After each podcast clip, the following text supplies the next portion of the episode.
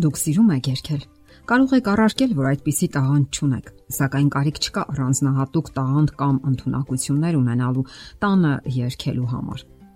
Ամբողջ հարցն այն է, որ երգելը օգտակար է առողջության համար։ Իսկ ինչ կապ կարող է ունենալ երգելը մարդու առողջության հետ։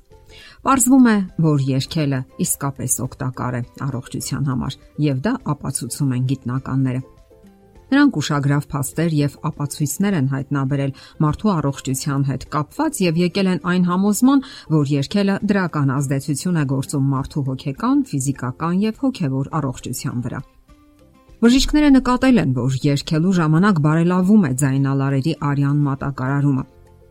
Երկեցողությունից ոչ պակաս չափով բարելավվում է լեզվի, քիմքային նշիկների եւ բազմաթիվ լիմֆատիկ հանգույցների գործունեությունը եւ պատճառը դարձյալ արյան շրջանառության բարելավումն է, որը տվյալ դեպքում արտահայտված առողջարար արդյունք է դրսևորում լիմֆատիկ հանգույցներն ու նշիկները սկսում են ավելի ակտիվ աշխատել։ Արդյունքում նրանց մոտ, ովքեր սիրում են երգել կամ էլ պարզապես քթի տակ ինչ-որ բան մռմռացնել, տեղական իմունիտետի վիճակը բերանի խորոչում եւ կոկորթում զգալիորեն բարելավվում է՝ ի տարբերություն նրանց, ովքեր գերադասում են լռել։ Իսկ եթե իմունիտետը բարձր է, դա նշանակում է, որ կոկորտը ավելի հազվադեպ է բորբոքվում, ցավում եւ հազվադեպ է առաջանում քիթ ըմպանի մրսածության հիվանդություններ եւ նույնիսկ ստոմատիտն է հազվադեպ այցելում երկիչներին։ Վարկած կային մասին, որ երկելու ժամանակ արյան մատակարարման բարելավումը ակտիվացնում է գլխուղեղը։ Ամեն դեպքում շատ բժիշկ նյարդաբաններ հայտարարում են այդ մասին։ Ենթադրվում է, որ արյան շրջանառությունը ուժեղանում է ոչ միայն կոկորթում, այլև կենտրոնական նյարդային համակարգում, եւ այդ ժամանակ գլխուղեղը սկսում է ավելի երանդուն աշխատել։ Բարելավում է հիշողությունը եւ ցանկացած տեղեկատվություն կամ ինֆորմացիա ավելի թեթևորեն է ընկալվում։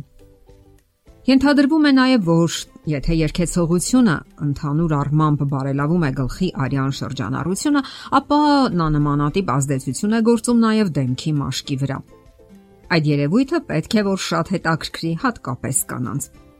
Պուշկինը չի երազում ունենալ թարմ, մի քիչ էլ շառագունած եւ առողջ առանց կնճիրների մաշկ։ Եվ ահա բարելավված արյան շրջանառությունը ոչ միայն առողջ վարթագույն է հաղորդում դեմքին, այլև ունի արտահայտված երիտասարդացնող հատկություն։ Եթե մաշկը հակված է բորբոքային գործընթացների կամ ընդհակառակը չափից ավելի չոր է եւ նուրբ, ապա երկեցողությունը հակաբորբոքային ազդեցություն է թողնում եւ նպաստում նրա ճարպային շերտի բարելավմանը։ Երկեցողությունը բավականին բարդ գործընթաց է, որին երանդուն մասնակցում է նաև շնչառական համակարգը։ Այնպես որ եթե դուք հիմնախնդիրներ ունեք թոքերի հետ, ձեզ տանջում են հաճախակի բրոնխիտները, ապա երկեցողությունը վոկալային արվեստով զբաղվելը կարող է օգնել ձեզ։ Դա որոշակի առումով մարմնամարզություն է թոքերի համար։ Առողջարարական հետաքրքիր մոտեցում ունեն որոշ թոքաբաններ։ Նրանք խորհուրդ են տալիս իրենց ասթմատիկ այցելուներին, որ հաճախեն երգչախմբային ստուդիա։ Եվ ահա նրանք նշում են, որ արդեն առաջին պարապմունքներից հետո այդ այցելուները իրենց բավականաչափ լավ են զգացել։ Երկելու ժամանակ դուք դրսևորում եք ձեր հույզերը։ Սա եւս կարևոր գործոն է։ Գոյություն ունեն տարբեր բնույթի երգեր՝ ուրախ, տխուր, թախծոտ եւ այլն։ Սրանցից յուրաքանչյուրը որոշակի տրամադրություն է արտահայտում։ Ճիշտ է նաև հակառակը։ Լսելով կոնկրետ բնույթի երաժշտությունը, դուք հենց այդպիսի տրամադրությամբ էլ համակվում եք։ Եվ շատ մարդիկ հենց այս ձևով են արտահայտում իրենց մեջ կուտակված հույզերը։ Ուրախ լուր լսելից նրանք սկսում են պարզապես իրենց համար երգել, որը տաղանդ չի պահանջում։ Սակայն, ինչպես բոլոր բնակավարներում, այստեղ եւս անհրաժեշտ է ճափի զգացում։ Եվ ոչ մի դեպքում երկեցողության պարապմունքից հետո, վոկալային պարապմունքներից հետո չի կարելի ուտել սառը ուտելիքներ, ասենք պաղպաղակ, ըմպել սառը ըմպելիքներ, հատկապես սառը կաթ, քանի որ այն ձայնալարերը գրգռելու հատկություն ունի։ Երկելուց հետո տակացած գրգռված ձայնալարերը շատ զգայուն են սառը օթի հանդեպ եւ հեշտ են մրսում։ Ահա թե ինչու կարելի է մրսել կամ ձայնը կորցնել անգամ մեկ բաժակ սառը հյութ խմելուց հետո։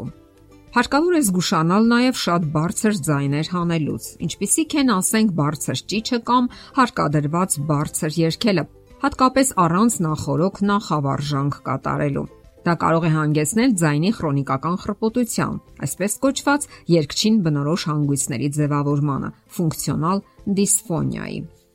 Սրանք կարող են նպաստել նաև տագնապային եւ դեպրեսիվ իրավիճակները։ Ամփոփելով այս նյութը կարելի է հորդորել. Երկեք, պայծառ եւ հրաշալի տրամադրություն պահպանեք։ Փորձեք երկել նաեւ երկչախմբում, որտեղ դուք մյուսներից առանձնապես չեք առանձնանում եւ աչքի չեք ընկնում։ Ուրախ զվարթ երգը նպաստում է նման տրամադրությանը եւ հակառակը մռայլ անգույն երգերը չեն կարող նպաստել ձեր հոգեկան վիճակի բարելավմանը։ Դե ի՞նչ, միգուցե փորձեք ձեր ընտունակությունները։ Եթերում առողջ ապրելակերպ հաղորդաշարն է։ Ձեզ հետ է Գեղեցիկ Մարտիրոսյանը։ Հարցերի եւ առաջարկությունների համար զանգահարել 033 87 87 87 հեռախոսահամարով։